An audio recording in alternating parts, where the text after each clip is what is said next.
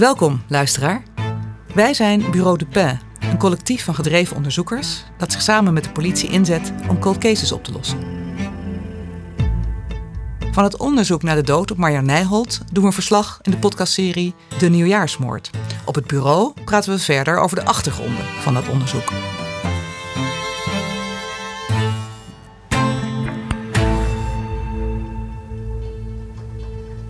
Welkom op het bureau van Bureau Dupin, de podcast over de zaken die raken aan het onderzoek naar de dood van Marja Nijholt. De eerste aflevering hebben we gesproken over de community en de wisdom of crowd. En vandaag praten we over scenario denken. Want nu, na ruim twee maanden online onderzoek, is er een verscheidenheid aan scenario's. Die liggen allemaal nog open. We praten vandaag over scenario's met wetenschapper, met een schrijver, met een data scientist en een aantal mensen van Bureau Dupin. En ik wil jullie even vragen jullie kort zelf even voor te stellen. Chantal, mag ik jou het woord geven? Ik ben Chantal Epskamp en ik werk uh, als criminoloog voornamelijk voor de politie. En uh, wat ik daarnaast doe is dat ik ook nog lesgeef aan de Hogeschool van Amsterdam, aan de VU um, en aan de politieacademie. En dat doe ik op het gebied van scenario denken en scenario reconstructies. Dankjewel, Elvin. Uh, ik ben Elvin Post, ik ben uh, schrijver. Ik heb net uh, mijn zevende boek uitgebracht, dat heet De Cursus. Um, en ja, dat is hem zo'n beetje. Je schrijft misdaadromans en thrillers. En uh, we horen graag zo meteen meer over jouw insteek als het gaat om het werken met scenario's. Uh, Peter. Ja, ik ben uh, van huis uit filmmaker. Dus ik heb uh, van die hoedanigheid veel te maken gehad met scenario's.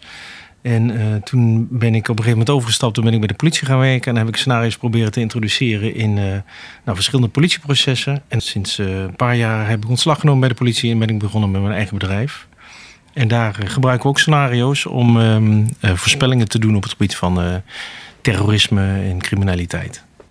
Ook onderdeel van uh, Bureau Dupin. Net als Wilma en Jack, die zijn aangesloten gesloten vanuit de community van Bureau Dupin. Stel je eventjes voor, Wilma en Jack.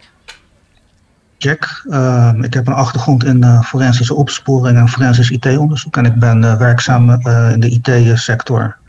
Dankjewel, Wilma. Ik ben Wilma Thijs. Ik heb totaal geen ervaring, dus ik ben gauw klaar. Uh, maar ik ben wel heel nieuwsgierig naar dit soort zaken. Ja, dus de belangstelling is er en uh, ja, ik probeer gewoon uh, bij te dragen waar ik kan.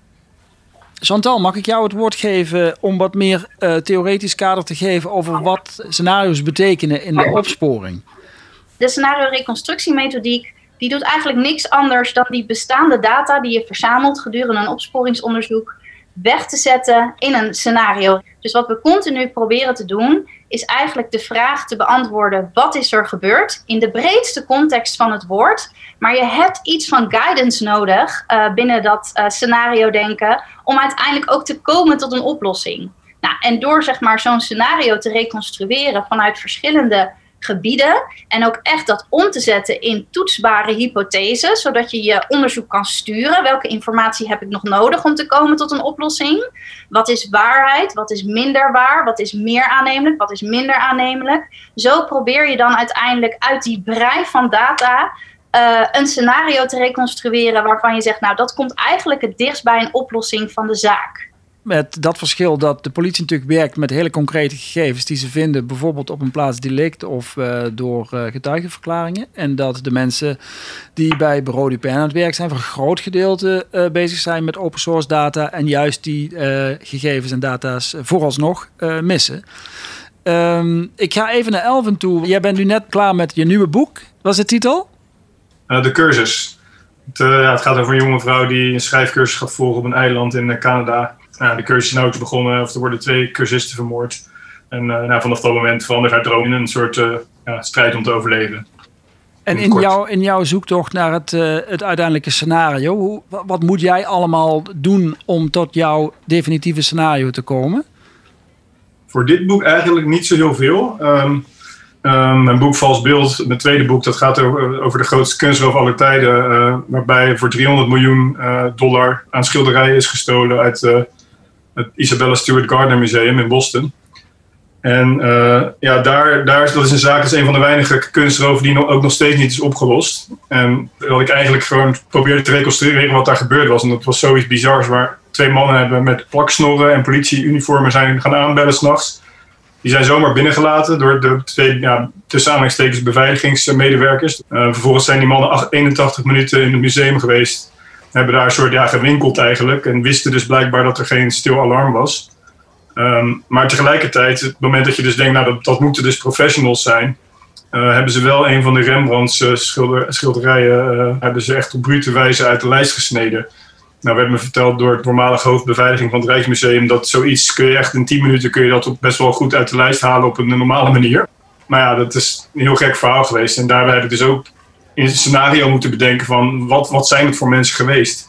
En vooral die beveiligingsmedewerkers. Dus ik dacht, zouden ze stoned zijn geweest? Toen ik student was, rookte ik wel eens een blootje. En dat was echt het enige wat ik kon bedenken van, ja, die moeten echt zo van de wereld zijn geweest dat ze, dat ze de deur hebben opengedaan zomaar. En uh, toen heb ik het op het laatste moment toch niet in het boek uh, zo beschreven. En toen heb ik ze een paar biertjes laten drinken. En, en toen had ik mijn boek ingeleverd.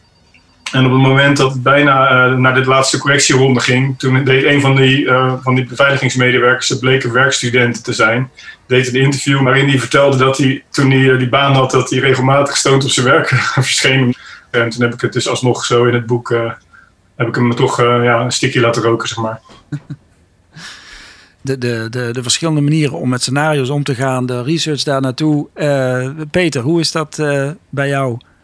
Als je kijkt naar een politieonderzoek, dan zijn er eigenlijk maar, uh, op het moment dat je iemand op straat vindt liggen en die is dood, dan zijn er eigenlijk maar vier mogelijkheden. Iemand kan een natuurlijke dood overleden zijn, iemand kan. Uh, dat kan een ongeluk aan de grondslag hebben geleden. Dat kan zelfdoding zijn of dat kan moord dan wel doodslag zijn. Nou, de laatste is een juridisch onderscheid. Maar eigenlijk heb je dan al vier mogelijke, het zijn nog niet echt scenario's, maar vier mogelijke gebeurtenissen die eraan vooraf uh, kunnen zijn gegaan. En op basis van die vier gebeurtenissen kun je weer andere onderverdelingen maken. Was er iemand bij, was er niet iemand bij? En zo kom je langzaam tot een logisch scenario. En dat doe je als je filmmaker bent, dat doe je, uh, dat doe je als je een, een, boek schrijft. Elvin doet dat. En dat probeer je te recreëren op het moment dat je aan het rechercheren bent. Je bent aan het terugredeneren. Dus er ligt een dode. Wat zou hier aan uh, vooraf kunnen gaan? En dat is precies wat Chantal net uitlegt. Ja, dat is een, is een, is een proces wat uh, ja, een hoop deductie en inductie vergt om uiteindelijk te komen tot het meest aannemelijke scenario. Wilma, Jack, jullie als uh, onderzoekers bij Bureau Dupin, jullie zijn druk bezig met het uh, ontwikkelen van het scenario op basis van open source data. Vertel eens hoe dat in zijn werk gaat. Op het forum is het zo dat ik wel een aantal keren een bepaalde gedachten heb voorgelegd. En dan vraag ik ook andere mensen om ook op die gedachten zeg maar, te, te reageren. Eigenlijk het belangrijkste wat ik kan benoemen is om out of the box te denken. Mm-hmm. dus out of the box betekent dat je eigenlijk niet jezelf beperkt in een bepaalde richting. Maar dat je eigenlijk gewoon heel breed vanuit een helikopterview... Uh, de verschillende maar, mogelijkheden uh, gewoon altijd allemaal open houdt. Wat, wat is er zo fascinerend aan het uitzoeken van een scenario? Wilma? Uh, ja, ik, ik, ben zelf dol op puzzelen. En in dit geval liggen de puzzelstukjes uh, op internet. Dus uh, ja, je begint met iets kleins. Je krijgt, er komt een notitie en dan ga je kijken of dat je daar iets mee kan. En eh, zo probeer je alle stukjes bij elkaar te krijgen. En, dat blijkt ja. heel erg op het schrijven van een boek. ja, ja, ja, inderdaad. ja, het is, het is voor mij allemaal nieuw, maar ik vind het heel spannend. En uh, ja, ik, ik ben gewoon blij dat ik dit allemaal mee mag maken. Het is een hele ervaring. Wat, wat is het voordeel en het nadeel, Chantal, dat er mensen bij zitten die zeg maar, niet weten hoe ze met scenario's om moeten gaan? Oftewel, wat ligt, ons, wat ligt er op de loer, zeg maar, doordat wij iedereen maar betrekken bij het proberen op te lossen van de nieuwjaarsmoord? Ja, nou ja, kijk, op zich, hè, uh, aansluitend bij wat ik net zei, is zeg maar het reconstrueren van scenario's. En dat sluit ook aan bij wat Peter net zei. Um, is, daar heb je op zich nog niet eens politieinformatie voor nodig. Hè? Daar heb je eigenlijk een open mindset voor nodig en de mogelijkheid om te deduceren, uh, in een bepaalde mate van logica na te denken. Dus in die zin, zeg maar, dat iedereen daaraan kan meewerken, uh, zou alleen maar een grotere bron moeten zijn van creativiteit. Maar zoals zwart niet zonder wit kan, uh, kunnen er inderdaad ook nadelen aan zitten. En um, nou, met name zeg maar die ongerichtheid van de scenario's, dus het, het, de wildgroei aan verzameling, dat kan een valkuil zijn. Dat hoeft niet, maar dat kan wel. In die zin dat je eigenlijk um, zo de detail ingaat en zo jezelf kan blindstaren op de kleinste dingen dat het niet meer bijdraagt aan je uh, complete vraag van de vraag: wat is er nou gebeurd? In dit geval in jullie casus met Marja Nijholt. Uiteindelijk uh, doe je dit alles omdat je uh, wil bijdragen of wil komen tot een oplossing van die zaak. En dat heeft een aantal elementen in zich. Onder andere dus die vraag: wat is er gebeurd in het brede spectrum? Het reconstrueren van het scenario om uiteindelijk dan te komen tot de vraag: wie was hierbij betrokken? En als je dat heel ongericht doet, dan kun je dus verzanden in een enorme hoeveelheid aan details. Uh, waardoor je door de boom het bos niet meer ziet. Ook niet meer ziet welke informatie nou gaat bijdragen aan uiteindelijk die oplossing. Hè, aan het scenario reconstrueren. En in het uh, ergste geval, zeg maar, kan het ook zo zijn dat je daardoor een soort tunnelvisie bij jezelf gaat krijgen. Waardoor je meer belang gaat hechten aan bepaalde informatie. En eigenlijk blind wordt voor informatie die um, ja, het tegenovergestelde zegt. Of eigenlijk spreekt voor een alternatief scenario. Hmm. Ik heb hier een aantal uh, zeg maar vragen die uit de groep uh, komen die, die daar wel mee te maken hebben. Die, de, de zorg is er bijvoorbeeld ook van, kun je iedereen zomaar als verdachte uh, zien? Bij de politie is daar een soort definitie op wanneer je verdachte bent en wanneer je mag onderzoeken. Die definities die uh, hanteren we in principe in die open source uh, community niet. Hoe moeten we daarmee omgaan als we daar zorg voor willen dragen, zeg maar? Ja, dat stukje, uh, dat vraagt echt ontzettend veel nuance. Dus de neiging is, hè, doordat je zoveel informatie verzamelt, misschien wel tunnelvisie bij jezelf creëert, dat je heel snel doorstapt vanuit die vraag: wat is er gebeurd? Eigenlijk naar de vraag wie heeft het gedaan. Dat is bij de politie um, echt gesignaleerd als een valkuil. Iets wat we echt proberen te voorkomen. Want als je zeg maar vanuit politieonderzoek snel doorstapt naar de vraag wie heeft het gedaan. En vanuit een getunnelde of een gekokerde kijk dan iemand verdachte gaat maken. Dan krijg je zaken zoals bijvoorbeeld uh, nou ja, de Schiedammer Parkmoord of de Puttense moordzaken. Die voorbeelden uit de media die kennen we. En dat is bij jullie natuurlijk ook uh, een situatie waar je echt voor moet oppassen. Mm -hmm. Dat op het moment zeg maar dat je... Um, nou ja, aanwijzingen ziet die wijzen richting een bepaalde persoon, dat je goed bij jezelf blijft afvragen of daar iemand voor hebt die daar zorg voor draagt. Hoe verhoudt dat zich tot die complete vraag: wat is er gebeurd? En sommige personen die kun je eigenlijk niet binnen die tijdlijn plaatsen. Die hebben bijvoorbeeld een alibi. Um, als je in een tunnelvisie zit, dan zie je dat alibi niet meer. Dan ben je helemaal gericht op die persoon. Nou ja, je kunt, je, uh, je, kunt zeg maar je fantasie erop loslaten hoe ernstig dat kan uitpakken als je onterecht en eigenlijk op verkeerde gronden je blind gaat staren op bepaalde uh, verdachten. En um, ja, in het ergste geval leidt dat alvast tot een soort publieke verdenking of eigenlijk tot een publiek uh, daderschap. Hetgeen je ook nog heel erg ziet bij bijvoorbeeld de Puttense moordzaak, om daar nog op terug te komen. Uh, deze mensen zijn uiteindelijk vrijgesproken. Maar je zal altijd mensen blijven houden die zeggen: ja, maar waar rook is, is vuur. Nou, in jullie geval is dat denk ik nog gevaarlijker en vraagt dat dus om nog een genuanceerdere uh, benadering omdat uh, op het moment dat je eenmaal de schijnwerpers op een persoon richt, kun je dat bijna niet meer ongedaan maken het grootste deel van de aandacht richt zich ook op wat, wat er gebeurd zou kunnen zijn. naar aanleiding van de sporen of de verhalen die mensen doen. Ik heb eigenlijk nog nergens gezien dat we ons richten op uh, personen die verdacht zouden zijn. Volgens mij is dat inderdaad iets waar we erg voor op moeten passen. Dat ben ik helemaal met, uh, met Chantal. En dat, dat is, lijkt mij het ergste wat kan gebeuren. Dit lijkt mij de manier waarop Bureau Dupin mis kan gaan. Is als we ergens te snel conclusies trekken die niet gefundeerd zijn. Want het is niet aan ons om uiteindelijk een, uh, naar een veroordeling toe te werken. Dat is niet ons. Wij zijn niet aan het opsporen. Wij zijn geen opsporers. We zijn onderzoekers. En dat is echt iets anders. Opsporen, dat is voorbehouden aan de politie. Het doet me echt ontzettend deugd om te horen dat dat dus uh, dat Peter zegt van ja, uiteindelijk is de lijn vooral die vraag wat is er gebeurd. En dat is ook eigenlijk het, denk ik het belangrijkste wat je kan doen. Zoals we ook binnen de, binnen de politie eigenlijk die scenario reconstructiemethodiek vormgeven. Echt vanuit de casus zoveel mogelijk vanuit de feiten die je vindt. En dat kan ook informatie uit open bronnen zijn. Te reconstrueren rondom die vraag: wat is er gebeurd? En pas daarna te stappen naar. En wie past daar dan bij? Want vanuit die feiten die je dan hebt vanuit de vraag wat is er gebeurd, kun je ook echt een redelijke constatering maken van past iemand dan ook in dat plaatje uh, of niet? En ehm, nou, ik denk dat het heel erg goed is dat jullie daar eh, heel voorzichtig mee omspringen. En nou ja, in, in een politieonderzoek kun je je ook voorstellen dat er soms mensen naar voren komen die je nog niet juridisch verdachte kan maken. Hè? Dus wij hebben wel die juridische kaders waarin iemand verdachte is, volgens artikel 27 straf. Maar um, op het moment dat iemand nog niet een, een, een, een verdachte is, maar wel interessant naar voren komt, dan kun je hem gewoon bestempelen als een interessant persoon. En meer dan dat is het dan ook niet. En goed de redenen blijven uh, beschrijven waarom iemand dan een interessant persoon is, zodat je het altijd kan leggen naast je andere scenario-reconstructie rondom die vraag: wat is er gebeurd? Zodat je ook echt kan toetsen of iemand echt interessant is op basis van feiten of niet.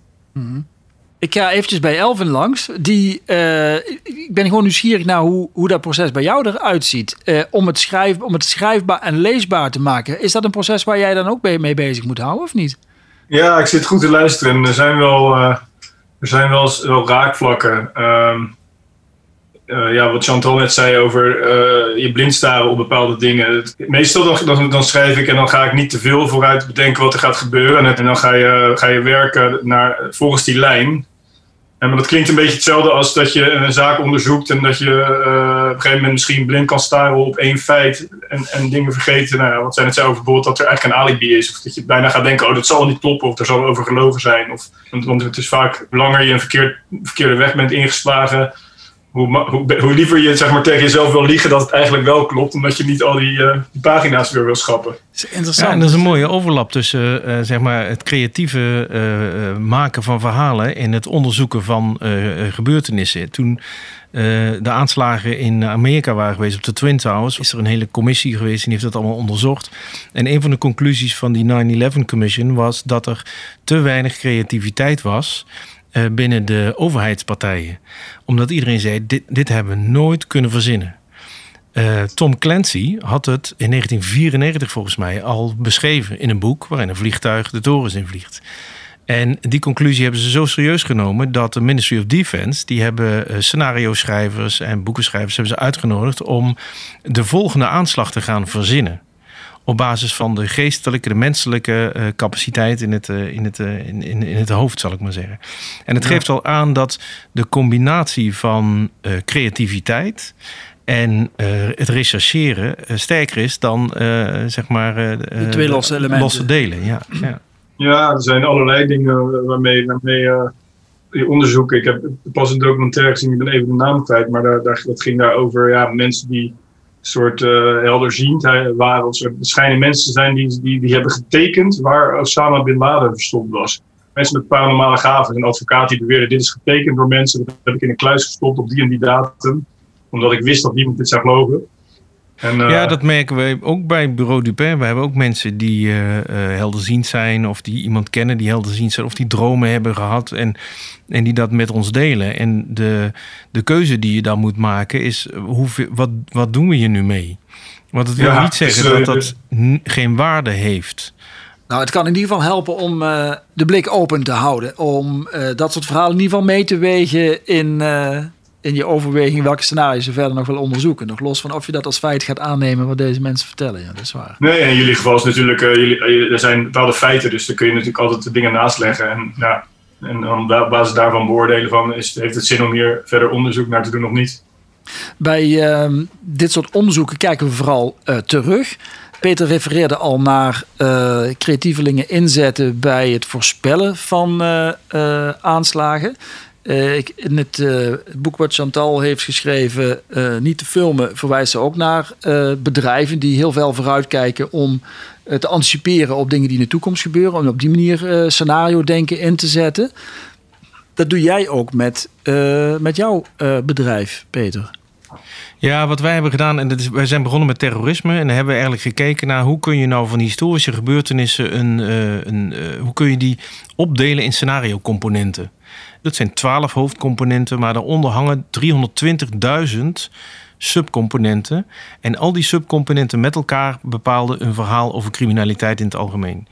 En wat we toen gedaan hebben, is dat we hebben gekeken naar neem een willekeurig terroristisch incident en ga dat beschrijven volgens die componenten. En dat hebben we met heel veel scenario's gedaan. En toen hadden we de grootste, opeens de grootste database ter wereld op het gebied van terrorisme. allemaal beschreven uit die scenario-componenten. En toen ontstond er iets interessants, want toen konden wij iets wat mensen niet kunnen, namelijk uh, heel snel door al die scenario's heen redeneren op basis van die componenten. Dus dat kun je wiskundig, dat kun je computer kun je dat laten doen. En als mens is dat, is dat schier onmogelijk. Um, en wat we toen hebben gedaan is, uh, dat, uh, op een gegeven moment dan heb je zo'n beetje alle terroristische incidenten die hebben we in de database staan.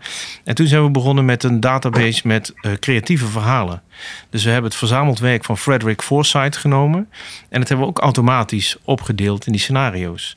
En nu kun je dus, heb je dus niet alleen historische informatie in die database staan, maar ook nog eens informatie die nooit gebeurd is, maar wel bedacht is door bepaalde mensen. En wat toen ontstond, toen we die creatieve database redelijk uh, uit, of wat verder hadden uitgebreid, is dat we daadwerkelijk zagen dat heel veel, in dit geval dan terroristen, zich baseren op informatie die eerder in een creatieve context is vrijgegeven. De, de Yuna-bomber bijvoorbeeld, die heeft zich gebaseerd op een, een, een, een uiterst rechts geschrift. dat heette de, de Hunter Diary. En het is een soort ja, een roman van. Het is niet heel erg goed geschreven. Maar goed, in rechtse kringen heeft dat het goed gedaan. En daar heeft hij een deel van zijn modus operandi op gebaseerd. En toen hij werd gearresteerd, werd in de kofferbak van een van zijn auto's. werd een kopie van die Hunter Diaries uh, gevonden. Dus dan zie je dat ook. Um, uh, criminelen zijn mensen en die laten zich ook leiden door wat ze op televisie zien of de boeken die ze lezen. Of die zijn net zo gewired als dat wij dat zijn. En daarom denk ik dat de creativiteit, zoals Elvin die in zijn boeken uh, legt, ook heel leidend kan zijn uh, voor uh, incidenten die er, die er gebeuren en wellicht in de toekomst nog gaan gebeuren. Je bedoelt dat er misschien een moord gaat plaatsvinden zoals hij die zojuist heeft beschreven in zijn nieuwe roman? Ja, het zou een twijfelachtige eer zijn, maar het zal je maar gebeuren. Ja. Wat leren we daaruit als het gaat om de manier waarop we nu bezig zijn in Bureau Dupin? Een klein groepje rechercheurs binnen de politie hebben een bepaalde capaciteit om uh, met een onderzoek bezig te zijn. Uh, de, geest bij het open te houden, elkaar uh, scherp te houden op tunnelvisie.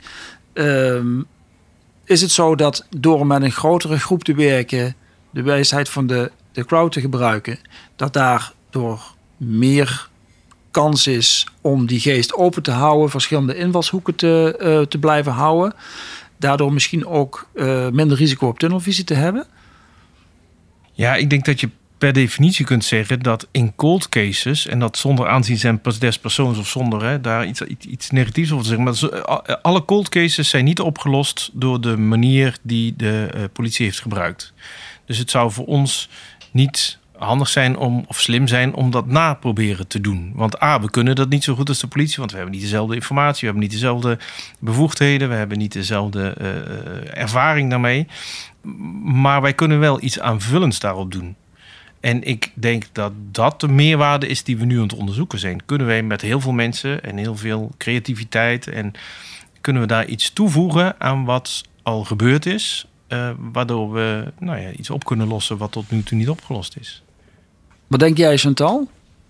Ik denk dat, uh, dat wat Peter zegt inderdaad waar is. Hè? Kijk, een cold case is per definitie gewoon een onopgeloste zaak. En ja, of dat zeg maar nou komt omdat we op dat moment niet bij de juiste informatie zijn gekomen, of dat dat komt door de manier waarop we het opsporingsonderzoek destijds hebben ingericht, dat is gewoon een lastige vraag, want dat is echt casusspecifiek.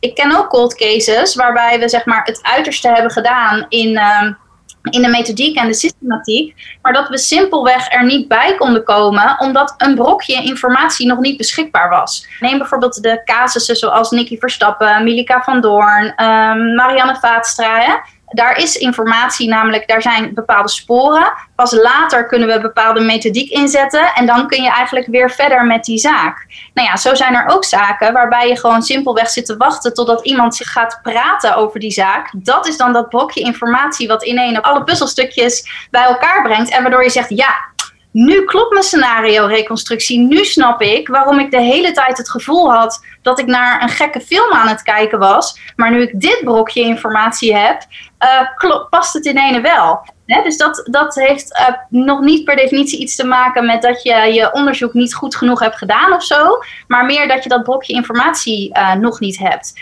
Ja, en als ik dan kijk naar um, een ander initiatief, een ander geluid, um, zoals Bureau Dupen nu doet, dan zou dat zomaar eens precies dat brokje informatie op kunnen leveren waar je naar op zoek bent. En verwacht ik dat door de grote uh, menigte als daar niet één leidende persoon is binnen die community, dat daar het risico op tunnelvisie niet zo extreem groot is. Zolang je elkaar maar blijft tegenspreken en zolang je maar als community ook met elkaar in gesprek blijft over wat je opschrijft, wat je vindt, wat je zegt, wat je doet en elkaar daarop blijft reflecteren, dan hoeft dat helemaal geen probleem te zijn. Dat is wel wat ik zie gebeuren als ik zo uh, meelees. Dan, uh, dan kan ik dat wel zien. Dat mensen elkaar voortdurend scherp houden op uh, uh, dat ze niet te veel één straatje inlopen. Ja, en een belangrijk uh, iets wat ik heel mooi vind om terug te zien, is dat er heel vaak wordt aan bronvermelding gedaan. Dus waar komt deze informatie vandaan? Dus je kunt altijd even teruggaan naar de bron. En de bron kan een interview zijn, of de bron kan een artikel zijn in de Brabants Dagblad. Of, dus het is ook een, een mooi wetenschappelijk usance dat je altijd terug kunt naar waar het vandaan komt. Dus het is transparant, maak je het daarmee nou, als wetenschapper doet die toetsbaarheid mij natuurlijk hartstikke goed. Want dan denk ik, dan kun je er altijd dus ook op teruggrijpen. Kun je het altijd controleren. En kun je ook weer teruggrijpen. Hoe kom ik nou tot bepaalde conclusies en waarom deed ik dat op dat moment? Dus dat is een belangrijk aspect. Dus fijn dat dat uh, gebeurt binnen jullie community. Kan ik alleen maar toejuichen. Ja. Wat daar mooi in is, is dat we op een gegeven moment in de discussie kwamen met een aantal van de mensen. Van wat is nu feit? Wat kunnen we nu aannemen als feit. En wanneer is iets een feit? Maar dan kom je op hele fundamentele discussies uit over wanneer neem je iets voor waar aan en wanneer doe je dat nog niet. En dus die, die transparantie uh, en die wetenschappelijke laag die er dan bij komt kijken, dat was een hele mooie uh, ja, discussie. Maar in die zin verschilt het niet zo heel erg van een echt politieonderzoek.